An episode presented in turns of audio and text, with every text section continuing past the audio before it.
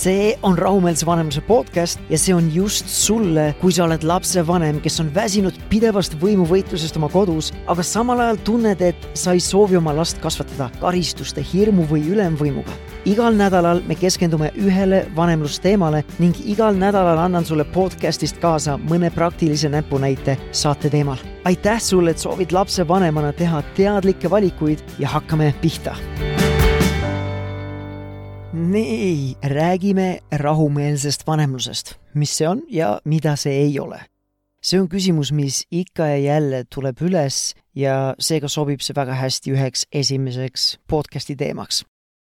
ma olen praeguseks käinud oma vestlusringiga laste kasvatamine karistusteta enam kui neljakümnes Eesti lasteaias või algkoolis või muus lastega tegelevas asutuses.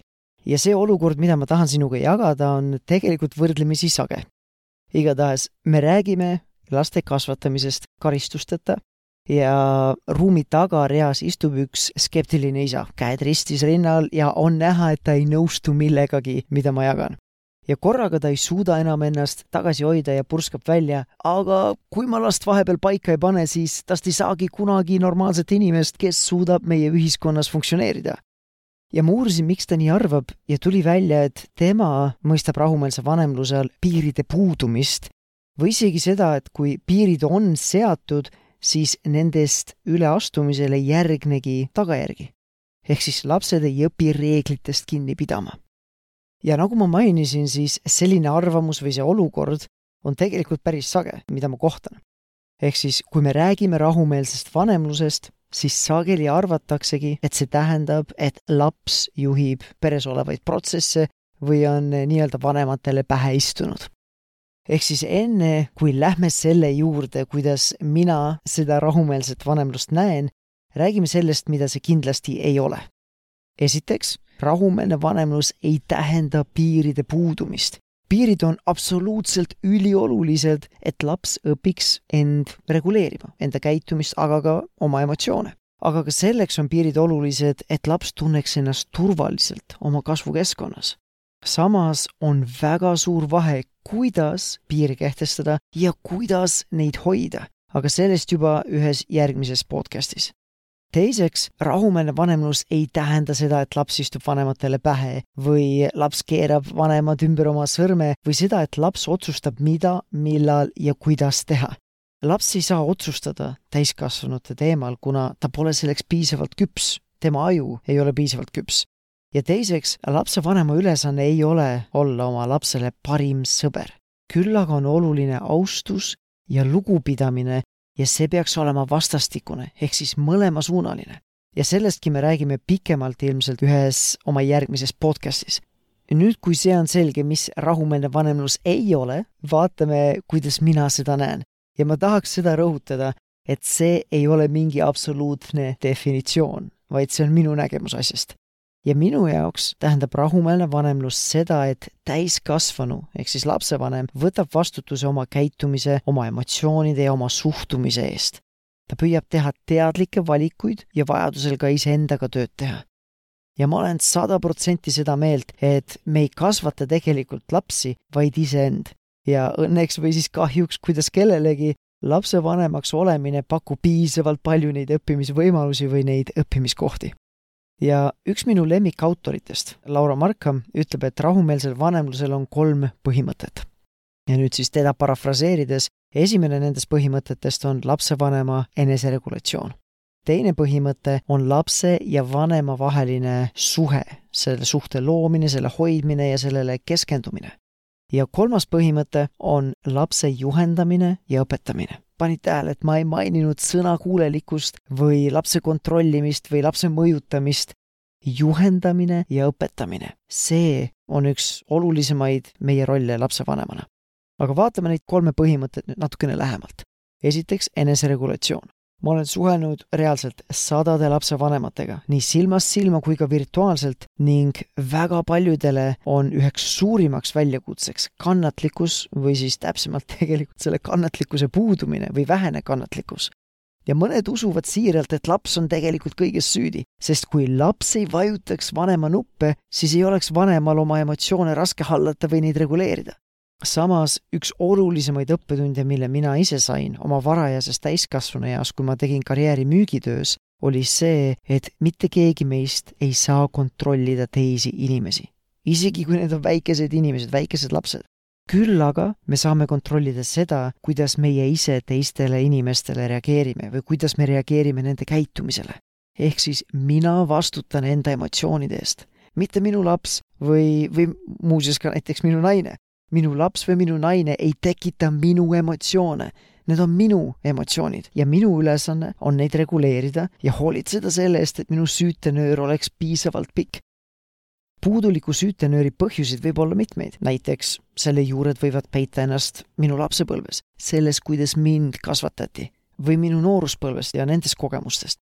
või hoopis võib põhjuseks olla minu tühi tass või, ja see võib olla tühi tegelikult juba krooniliselt ja pikka aega ja mõlema põhjuse lahendamine on minu vastutus. mitte keegi teine ei lahenda minu lapsepõlve teemasid ja mitte keegi teine ei vastuta selle eest, et minu põhivajadused saaksid rahuldatud.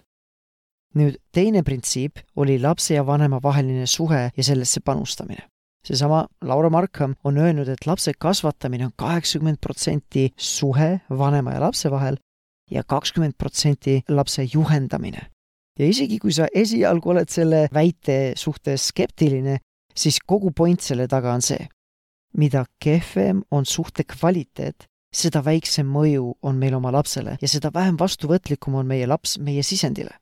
ja see töötab ka vastupidi.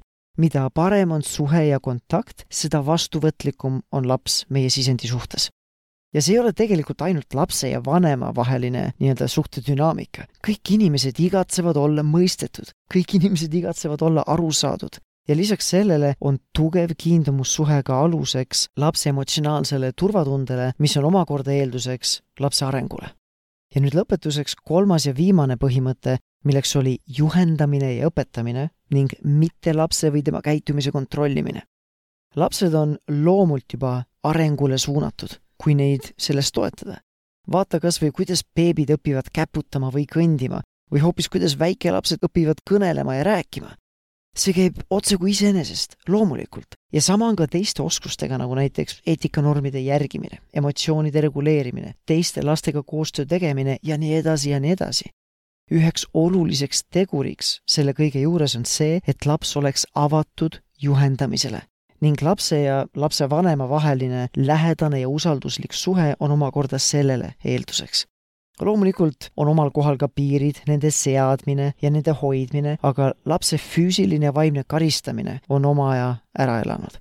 on palju efektiivsemaid õpetamise viise kui lapse karistamine ja sellest me räägime kindlasti päris mitmes tulevases podcastis ehk siis tänase sissejuhatava podcasti kokkuvõtteks rahumeelne vanemlus ei tähenda piiride puudumist või lapse juhitud elu.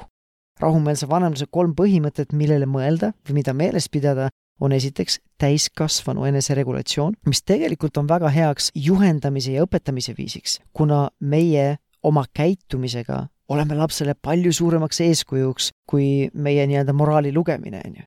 ning meie käitumine räägib oluliselt valjemini kui meie sõnad teine põhimõte oli tugev kiindumussuhe lapse ja vanema vahel, mis on vundamendiks kogu vanemlusteemale. kolmas põhimõte oli lapse juhendamine ja mitte karistamine.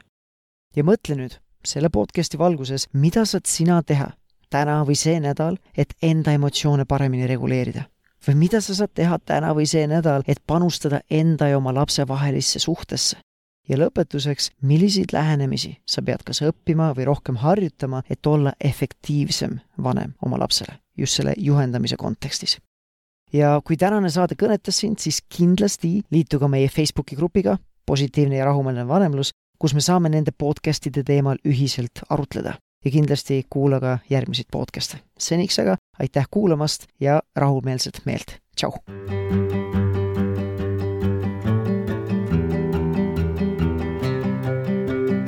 Oot-oot-oot, enne kui ma sul minna lasen, ma tahan sind tänada selle eest, et sa oled lapsevanem, kes püüab ja soovib areneda. isegi kui su laps seda praegu ei hinda, siis mina väärtustan seda, mida sa teed, nii et aitäh sulle.